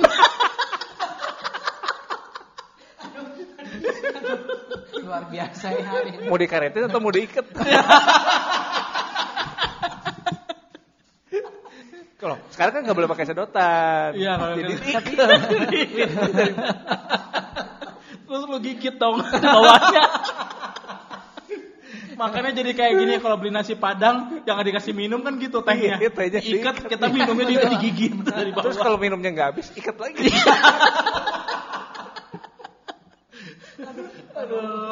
Ampun. Eh tapi by the way emang beneran teh botol dalam kaleng. Ada gila browsing. Gue baru denger tuh, gue baru Betul, denger. bentuknya Gue kemarin atau ya gue nggak tahu benar nggak ya, tapi kemarin ngelihat di Instagram sih ada, ada yang ngasih lihat. Oh, lucu juga tapi ya. Iya, maksudnya gue kan kreativitas kan nggak terbatas. Iya iya. Lu produknya tetap kan, Iya. lu jual tetap teh manis kan. Tapi gue daripada teh botol itu bikin bingung kan. Gue lebih seneng dengan teh kotak sih, karena selalu konsisten. Ada dua yang konsisten dari teh kotak. Apa tuh? Yang satu adalah tehnya selalu dalam kemasan bentuk kotak, Iya. ya di kotak yang Walaupun sekarang kemasan ultra ultra pack itu ya. Iya, iya. Dan yang kedua itu dari dulu sampai sekarang selalu gratis 25% ekstra. Ada promo tapi terus-terusan Konsisten. konsisten. Ya kan sama kayak matahari. Tiap hari promo terus satu potong lima puluh ribu. Beli Iya, satu beli- gratis satu sama. Sama aja. Bener-bener. Ya, begitulah. Aduh. Ya itu konten Capek, itu ya. konten termasuk tulisan-tulisan diskon bagian itu, itu tuh menurut gua konten juga. Nah, sekarang eh, apa yang diperluin sama konten kreator baru nih? Aduh. Selain Apa ya? punya, ya maksudnya selain platform kita udah bahas kan. Heeh, heeh. Ide-ide udah udah bahas nih. Di luar di luar itu deh. Misalnya kayak tadi kan sempat menyinggung soal personality kita gimana. Ya. Hal apa aja sih yang perlu perlu ditanemin ke orang-orang yang baru baru masuk ke dunia ini teh? Yang ingin Ini untuk menghasilkan konten eh, yang baik atau atau menghasilkan uang yang bagus. At least dia bisa bertahan di kalau misalnya kan kayak kayak gua misalnya gua ma- mau masuk ke dunia konten kreator apa pun itu mimin Instagram eh, film making Sebagai atau YouTuber. cuman youtuber Ya. apa, apa yang yang bisa harus dilakuin Nah, gitu. apa yang harus gua ambil biar bisa gua bertahan di dunia yang kejam ini di sawah yang besar itu Bisa yang besar itu ya. Kayaknya mungkin kalau balik lagi ke tadi obrolan kita di tengah-tengah, temuin memang eh, strength-nya lu di mana ya. Hmm. Gitu, temuin yang ibaratnya kamu eh, aku hmm, Eh, aku dan kamu takkan. Lagu lagu apa? yang mau main TikTok lagunya itu. Aduh, yang joget-jogetnya geser-geser di dinding. iya masa dia nyanyi lagu Reza Artamevia Gak ada yang tahu. Aduh, aduh gue jadi blank lupa. Eh, Jim ini biasanya kita podcast berapa jam sih? Ini kayaknya udah lebih durasinya. Eh, apa ya? Oke. eh, Apa aja nih, Apa, apa aja aja yang nih? diperluin gitu ya? Eh, perlu untuk tahu Strength eh, tadi, strength kita di mana dan kita build terus strength kita gitu. Oke. Jadi kalau misalnya gini, kadang-kadang kita tergoda untuk kita coba mencontoh orang lain ya, walaupun kita tahu kita butuh proses yang cukup Hmm. panjang gitu misal ke sana. Misal gini. Wah, dia hebat ya ngerjain satu opener eh, motion graphic kayak gitu aja eh, 10 5 menit jadi- juta. oh, 5 juta. Ya, cuman bikin cuman bikin misalnya 30 detik gitu. Iya. Bumper kayak gitu kan. 5 juta. Gua yang ngedit 20 menitnya aja cuman 500 ribu gitu kan misalnya. Hmm. Dan kita boleh-boleh aja kalau misalnya kita pengen pengen ke arah sana gitu ya. Oh, gue pengen jadi belajar motion graphic ah. Itu Oke. boleh sebagai bentuk kita dalam masa Upgrade masa diri tadi exploration, kan? Iya, upgrading exploration. dan segala macam. Tapi menurut gua lu harus tentuin oh strength gua misalnya di sini, bisa di video, di video atau enggak misalnya di apa dan kembangin di sana gitu. Pertama Iya. itu jangan coba untuk mencontoh benar-benar mengcopy orang lain karena orang lain Iya. kelihatannya, "Uh, kayak bagus sana," tapi kita tahu sebenarnya kita butuh proses yang panjang untuk ke Iya, sana. iya, iya. Eh, jangan Sa- jangan-jangan di depan yang di depan mata itu malah lewat Hmm. gitu. Eh, menurut gue itu satu gitu. Terus kedua eh, pe- kalau ngomongin passion sih bisa ya karena passion itu kan Iya, iya. sesuatu yang mendorong kita untuk terus, Terus improve, maju, terus terus, belajar iya, gitu kan. bertahan. Kalau nggak salah gue pernah dengar podcastnya juga tuh Oh yang iya, sama iya, passion itu tuh Lukito ada- ya. Sama Indra, Indra Lukito. Ya. Episode Iya. 5 itu. episode 5 ya. Nah, itu gue perbedaan gue denger itu salah satu yang menurut gue ini bagus banget itu itu kan disebut bilang kalau passion itu pasti ngedrive kita untuk produktif. Iya, Betul. iya, iya. Tapi kalau sesuatu yang kita suka kadang-kadang lebih konsumtif gitu kan. Nah, Iya. itu jadi bagus juga ketika kita bisa menemukan passion. Wih, Ada yang ada yang dengerin dong. Terima kasih. loh. Terima kasih. Iya. Minggu depan Dua jam yang lalu gue baru dengernya tapi yang penting ada yang denger. eh, yang penting dah. nambah satu tadi streamer ya. Sampai menyerap gitu ya. Nah, menyerah gitu. Bagus bagus bagus. Bagus bagus. bagus. Jadi kalau misalnya kita sama passion kita dan itu mengarah ke hal yang emang kita kejar itu bagus banget kita punya ba- bahan bakar ekstra gitu Iya, untuk betul. ngelakuin. Terus yang ke yang berikutnya apalagi ya? Menurut gua sih ini apalagi kalau misalnya kita emang udah mau bikin ini sebagai sebuah bisnis atau enggak sebuah satu hal yang emang kita juga bisa eh, jadikan itu apa ya? Gantungan hidup. Eh, gantungan hidup, pencaharian dan eh, segala macam ya. Pokoknya pokoknya kasih kita uang lah gitu ya. Hmm. Menurut gua penting juga lu bagus ngedit video, lu bagus bikin eh, desain dan segala macam gitu ya. Tapi lu harus juga package itu dengan eh, kemampuan, dengan knowledge, dengan skill yang lain. Ah. Contohnya apa ya? Misalnya kemampuan leadership, Iya. kemampuan manage orang, Iya. Oke. kemampuan bagaimana lu punya interpersonal skill, komunikasi dengan orang lain gitu kan. Perlu perlengkapi juga diri lu dengan hal-hal seperti itu. Karena eh, sesuatu yang bagus, tapi kalau saya di deliver dengan nggak bagus, Iya. kadang-kadang sayang. Sayang gitu. betul. Eh, mitos yang paling sering ada di kita orang-orang kreatif adalah katanya orang-orang kreatif itu nggak bisa disiplin Jualan. Oh, nggak bisa nggak disiplin. bisa disiplin, terlalu idealisme dan Iya, segala iya. macam gitu. Dan rasanya kalau kita yang udah bekerja dengan klien, kita tahu betul bagaimana menempatkan idealisme kita di Di bawah, bawah keinginan klien. benar benar benar. Betul betul. Karena ada ada yang bagus nih. Kalau misalnya kita seniman, gitu ya, Hmm. kita nggak peduli karya kita, misalnya orang mau bayar atau enggak dan segala macam, Iya. maka ya udah bikin karya yang benar-benar nunjukin idealisme kamu, Ah. gitu. Tapi sekali kita berhubungan dengan orang, maka kita juga harus ngerti kan, seperti tadi yang gue bilang.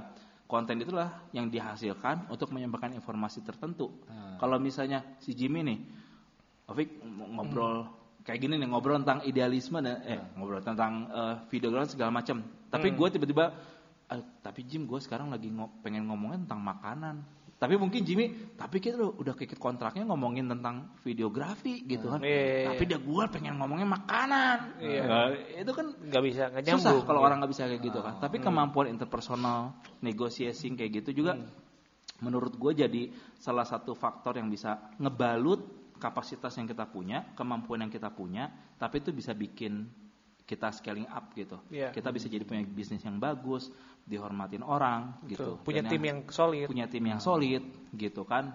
Dan secara nggak langsung itu pasti eh, ya mungkin revenue kita bisa karena dengan banyaknya orang yang percaya sama kita gitu, revenue iya. kita makin tinggi, Naik, iya. kemampuan manage keuangan yang bagus, kita bisa save cost gitu kan. Itu menurut gua jadi salah satu hal yang bikin kita tuh ngerasa gila ya gua teh kerja motretnya ternyata nggak ada nggak nggak ada duitan. Iya. Siapa bilang? Siapa Mungkin bilang. lu yang nggak bisa Salah salah jalan, manage, salah manage. salah manage atau nggak salah pilih atau nggak ya nggak bisa jual. lah. Nah, Kadang kan kalau kalau kayak kayak misalnya kayak gue juga kan kalau kebanyakan orang seni itu awal awalnya Iya. berpikir gue nggak mau jadi marketing Hmm. karena marketing itu tuh salah satu eh, pekerjaan yang dihindari. Hmm. Kalau gue dulu gitu, Oh, tapi gitu. akhirnya Hah. sekarang ya gimana mau gue jualan? Kalau nggak bisa marketing ya. Heeh. Hmm. Minimal gue harus bisa marketingin diri sendiri gitu. Iya. Kalau enggak, gimana gue bisa jual produk gue gitu kan? Iya, Sedangkan iya, produk gue kan jasa. Hmm. Nah, Gitu. ya kadang-kadang gitulah sama bagaimana prinsip kita, value kita juga kita masukin dalam dalam eh, sehari-hari kita ngelakuin ini gitu ya. Kayak misalnya gini, mungkin masih banyak nih. Sorry buat teman-teman semua yang mungkin masih melakukan hal ini gitu. Tapi pernah nggak sih dengar kayak gini misalnya kita mau hire seseorang Ya. ketika kita ngomongin fee dan segala macam, terus ada syarat dan ketentuannya revisi maksimal dua kali Ya, ya. gitu ya. Mungkin Iya, iya. masih banyak yang ngelakuin kayak gitu. Betul. Tapi kalau misalnya gue personal gitu ya, gue gini, selama revisi itu make sense Hmm. dan bukan revisi yang berulang-ulang dan karena elunya kliennya ceroboh gitu Iya. ya kan, mau revisi berapapun, gue pasti bakal revisi. Hmm. Karena di balik pekerjaan yang dikasih ke gue, itu ada tanggung jawab gue juga untuk support dia, support bisnis dia, support apa yang menjadi tujuan dia gitu kan. Tapi catatannya itu selama revisi itu nggak yang aneh-aneh gitu. Misalnya revisinya gini, mau eh, eh, bikin eh, sirup, bikin iklan sirup gitu misalnya ya. Hmm. Sirupnya sirup eh, melon, Ya. warnanya hijau Yes. gitu kan. Dan udah gitu kita syutingnya green screen, eh, ceweknya pakai bajunya baju hijau. Ah. Terus tiba-tiba pengen dirubah, bisa nggak ini jadi eh, eh, sirupnya sirup strawberry? Jadi semua warna hijaunya ganti aja sama merah. Iya. Nah lu pusing loh, mengganti green screennya gimana tuh? Semua bolong-bolong, udah segala macam. Itu kan revisi yang maksudnya itu bukan revisi itu sama kali bikin produk baru gitu Iya, kan? iya. Atau enggak revisi yang pertama diginiin, terus eh coba deh lihat lihat digituin, eh kayaknya kurang cocok, coba deh digini lagi, eh balikin lagi deh yang pertama. Nah itu kan itu, itu iya. revisi yang maksud gua an- aneh-aneh. Tapi selama revisinya itu improve ke sesuatu yang emang lebih Bagus. kontribut lebih ke hal yang positif. Kalau kalau gue sih sepuluh oke lebih dari dua kali nggak apa tiga kali empat kali ayo selama masih bisa dalam Iya. jangka waktu yang emang Jangka kita sepakati iya. bersama gitu ya jadi itu value gitu menurut Hmm. dan gue percaya ketika seseorang menjalani pekerjaannya melakukan apa yang dia cintai apa yang dia sukai dia bisa menghasilkan produk yang baik dan ditambah di deliver oleh Hmm. orangnya juga juga punya value yang baik punya prinsip yang baik gue percaya sih ibaratnya walaupun kita punya komputer yang banyak Hmm. tapi somehow orang tuh akan uh, Attach percaya kita. sama lo dan kuncinya bisnis kan bukannya itu kan ketika kita trust sama orang kan Iya, iya. ada hal-hal yang wah tapi di dia lebih murah di si Jimmy lebih mahal tapi dah gue udah percaya sama Iya. Jimmy Ah. gue percaya dia akan deliver tepat waktu gue percaya dia akan nggak aneh-aneh nggak main belakang nggak nilap eh, biaya produksi segala macam walaupun lebih mahal tapi gue percaya sama dia kadang-kadang itu kan Iya. value Trust yang itu yang ya, penting. trust value itu susah susah kita dapetin dalam dalam bisnis gitu. Betul, Ah, betul. Oke, oke, oke. Oke. Ada yang mau ditambahin? Atau mau bikin video TikTok? Kayaknya Mau install? TikTok. Ba- karena tadi sore baru gue nemu filter yang bagus nih di TikTok nih. Gila, Jadi gila, gimana gila, nih? gila. Buat promonya kita promo pakai TikTok aja. Jangan-jangan nanti ngajak kolaborasi lah. Nanti gue masuk ke channel lu deh. ID TikTok lu deh, boleh deh. Boleh deh. Oh, boleh- mungkin ini udah mau closing ya? Udah sih. Tapi gue mau ini mau, mau tambahin. Ini ada satu konsep yang bagus nih. Kalau misalnya teman-teman tahu ada pola, ada sebuah konsep namanya ikigai. Ah. I- Ikigai. Ikigai. Jadi ikigai itu menggantungkan gini. Kan ini kita ngomongin content creator nggak cuma sebagai ah gue mah suka-suka aja, tapi bagaimana ini bisa jadi sesuatu yang Hmm. Peluang bisnis, profesi ya. kita Profesi, gitu ya. Nah, betul. ini ada satu value yang bagus. Jadi ikigai itu adalah seperti diagram Venn, tahu ya yang Hmm. bulat bulat bulat bulat ada irisan di uh, tengah-tengahnya gitu kan. Nah, itu tuh ada empat unsur. Oke. Yang pertama itu uh, profesi. Profesi itu adalah apa yang kita lakukan dan itu membuat kita dibayar. Oke. Ya, itu profesi. Terus ada lagi passion. Passion itu adalah uh, uh, what you love. Apa yang kita suka Yes. gitu. Mission itu adalah eh, apa yang eh, dunia butuhkan, Oke. ya. Eh gue terbalik deh. passion gue kita mulai dari passion aja. Iya, iya. Passion itu what you love, apa Iya, yang kamu apa suka, yang suka. ya. Mission itu apa yang eh, apa yang dunia butuhkan, apa yang society orang-orang Ah. Betul, butuhkan. iya. Vocation itu adalah sesuatu yang kita dibayar untuk itu Iya. profession itu adalah what you are good at apa yang secara kapasitas kita bagus. Kapasitas, Nah, iya. ketika misalnya eh, apa yang kita cintai dan apa yang kita eh, eh, apa yang dunia butuhkan itu digabungin, maka itu akan membentuk mission. Nah, Dan itu adalah sesuatu yang harus kita lakukan adalah kita juga membawa dampak gitu ya. Kita suka melakukan itu dan itu membawa dampak itu adalah misi kita gitu ya. Apa yang kita suka kita lakukan dan kita juga punya kapasitas itu itu adalah menjadi passion kita. Iya. Kita suka, kita punya kemampuan untuk melakukan itu. Apa yang kita rasa kita bagus dan kita dibayar untuk itu itu jadi profesi kita. Ya. Gitu dan kadang-kadang memang itu nggak melibatkan dengan apa yang kita suka, apa yang kita cintai gitu ya. Karena apa yang kita cintai kadang-kadang tidak membuat mendatangkan uang buat kita, Betul. malah Tapi kita apa yang keluarin kita bisa uang gitu. gitu ya. Tapi apa yang kita bagus ya dan eh, kita bisa melakukan sesuatu bagus dan kita dibayar untuk itu itu mungkin Ya, jadi profesi, profesi. kita. Nah, jadi gabungan antara apa yang kita suka, apa yang eh, kita eh, kita punya skill, kita bagus di hal itu, eh, apa sesuatu yang membuat kita terima uang dari itu dan apa yang dunia butuhkan, itu tuh membentuk eh, membentuk lingkaran-lingkaran gitu, membentuk transisi dan kesemuanya itu keseimbangan semua itu disebut dengan ikigai gitu. Kalau misalnya teman-teman eh, ya gampang lah sekarang zamannya Google ya. Iya, iya. Bilang aja eh bilang.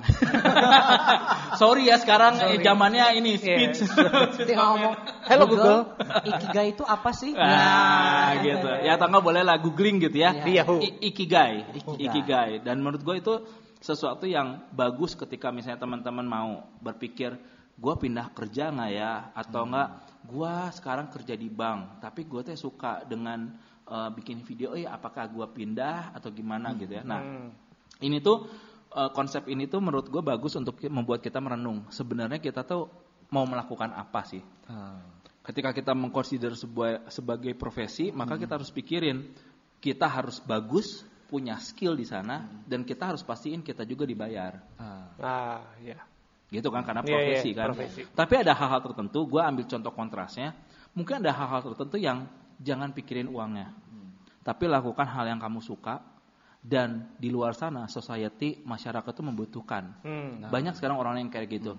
Mereka ibaratnya tinggalin bukan tinggalin benar-benar nggak mau pikirin, tapi Betul. mereka serahin bisnis mereka ke orang di bawah mereka yang mereka percaya Iya. dan mereka lebih banyak melakukan kegiatan sosial dan menjawab kebutuhan masyarakat. Itu mereka sedang melakukan sebuah mission di sana, iya. gitu. Nah, jadi menurut gua eh, penting ketika kita misalnya mau masuk dalam suatu bidang gitu, kita juga coba melihat hal ini. Nah, apa yang menjadi passion kita, apa yang menurut kita kita bisa jadikan profession, apa yang menjadi mission kita, dan apa yang me- me- membuat kita bisa melakukan vocation, gitu. Jadi ya coba di googling lah ikigai, Ya, itu lumayan banyak bisa jadi kayak semacam roadmap lah buat kita. Luar biasa. Ditutup dengan sempurna. Iya. Wes sempurna, sempurna. Tapi ya, obrolan kita hari ini tuh menarik banget ya. Hmm. kita Oh, banyak gitu. banget. Dia ketiap ketiap yang diundang Iya, iya. ngomong gitu ya. Coba dengerin nggak ke bagian paling akhir? Nggak? bagian gitu ya. Menarik banget gitu. Nggak, tapi bener loh. Kita hari ini obrolan menarik banget ya. Kita banyak dapat banyak Tuh kan ilmu. lagi kan? Nggak, tapi emang. terima kasih, terima kasih. Ya, kita dapat banyak ilmu ya. Iya. Kita dapat banyak pengetahuan yang baru ya. Iya. Jadi buat orang-orang yang pengen jadi seorang konten kreator ya, orang yang ingin mencoba gitu kan. Gak ada salahnya kalau mau pengen coba ya nggak apa-apa coba aja. Tapi Iya, yang untuk tahu dapat ya. kita intinya dari yang tadi kita bahas kalau pengen punya konten kreator yang bisa booming tuh yang harus kita tuh utamain harus yang originalitas ya. Hmm. Sama yang storytellingnya tuh yang bagus. terus inti-intinya tuh ada yang relevan dengan kehidupan kita sehari-hari itu pasti langsung lebih bisa diterima ya. Jadi jangan sampai nanti pada saat kita bikin konten itu cuman kita tinggal comot-comot konten orang, tempel-tempelin Hmm. ya. Itu Hmm. udah pasti mungkin akan berjalan, tapi kan itu eh, bisa dibilang nggak ini banget ya. Nggak nggak nggak apa ya, nggak bisa dibilang Nggak. sebagai konten creator yang murni ya Hmm. kalau kayak gitu ya. Cuma copy paste semua orang juga bisa. Tapi Bisa, lebih baik betul. adalah yang originalitas. Betul. gitu. Dan kalau ada yang mau pengen jadi seorang konten creator, misalnya youtuber gitu ya, Ya. itu untuk peralatan nggak usah yang harus mikir harus yang mewah dulu. Iya. Mulai dari yang ada aja. mahal-mahal. Pakai handphone aja itu udah bisa ya sebenarnya. Apalagi- Untuk bikin satu sebuah konten itu bisa, bisa, Bisa, banget. bisa banget. Apalagi Apalagi- handphonenya handphone iPhone 11 gitu ya. Oh, yang kameranya aja tiga. karena handphone sekarang aja kan udah aja tiga. canggih ya, semuanya Ah. udah ada lah kamera ya. Iya. Iya, iya, iya. Gitu. Jadi jangan suka pengen tiba-tiba langsung pengen pakai yang mahal-mahal untuk menciptakan suatu kualitas yang bagus, nggak usah dulu lah ya. Hmm, Kalau iya. pengen sekedar mencoba gitu. Betul. Setuju. Ngomong-ngomong tadi mungkin mau tambahin dikit yang tentang yang kita meniru karya orang lain gitu ya. Hmm. Sebenarnya kan kalau misalnya ya kita tahu lah di dunia ini tuh nggak ada sesuatu yang benar-benar orisinal Iya, sebenarnya gitu betul. kan. Tapi kalau misalnya kita bisa jadikan konten orang lain itu sebagai referensi gitu ya. Ah. Tapi Iya, kan iya, ada iya. satu prinsip kan kalau nggak salah ATM ya sebutannya ya. Apa tuh? Amati, tiru, modifikasi. Betul, betul. Gitu Ah. kan. Jadi kita lihat orang lain dan kita coba tiru tapi ketika kita mau mengeluarkan sebuah karya, kita harus pikirin Modifikasi kita dulu. bisa modify-nya dari mana ya. Gitu. Itu sesuatu yang ibaratnya ya kita jadi bukan penjiplak, Ah. tapi juga kita juga ya kita menghargai eh, ide orang tersebut, tapi kita juga bisa membuat sebuah karya yang quote and quote tanda kutip baru gitu. Ah, Walaupun betul. sebenarnya nggak sepenuh, Sepenuhnya sepenuhnya baru, baru, betul, gitu. iya. Oke. Ya, begitulah. Ya. Begitulah ob- obrolan OMM hari ini yang begitu seru banget ya. Hmm, nggak kerasa Tentang udah sejam. Oh, Satu setengah jam, sejam. cuy. Wow, Aduh, satu setengah jam. biasa. Gila, gila, Waduh. gila, gila. Rekor ini, rekor. dibagi dua part aja gimana? Lumayan nabung. Eh, benar, benar, benar, benar. Kita coba ya. Ide bagus. Kalau satu setengah jam sih sebenarnya bisa jadi tiga ya. Eh, Tiga ya. Serius? Enggak lah. Kita tetap tiap minggu konsisten. Ah, kan salah satu hal-hal yang baru ya. Iya, Bahan salah baru. satu ini kan konsistensi. Iya, konsisten itu intinya. Baik ya, terima kasih Terima Victor. kasih. Oke, terima kasih juga Iya, udah diajak ngobrol-ngobrol di sini. Iya, Seru. untuk Om Victornya udah datang. Oh, sama-sama.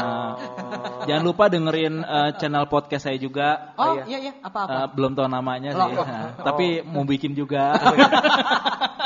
Coba dulu aja. Coba dulu aja. Coba dulu aja. Tapi mau bahas apa nih nanti nih? Eh, masih nggak tahu. Oh, masih belum. Makanya ini saya dalam proses amati ini om-om nih. Oh, iya, iya. Tiru Tiru. nanti saya modifikasi ya. Saya punya ide. Ngomongin soal filter TikTok aja dulu. Oh, TikTok. Ah, beneran. TikTok, ya. Filter minggu ini. Iya. Tutorial TikTok minggu Tutorial ini. TikTok. Aduh, luar biasa banget. Oke, Oke. terima kasih. Terima kasih. Sama-sama. Saya Thank you. Jimmy. Dan saya Timothy. Saya Victor. See you Saya next week. pamit. See you next week. Bye-bye. Bye-bye. Bye.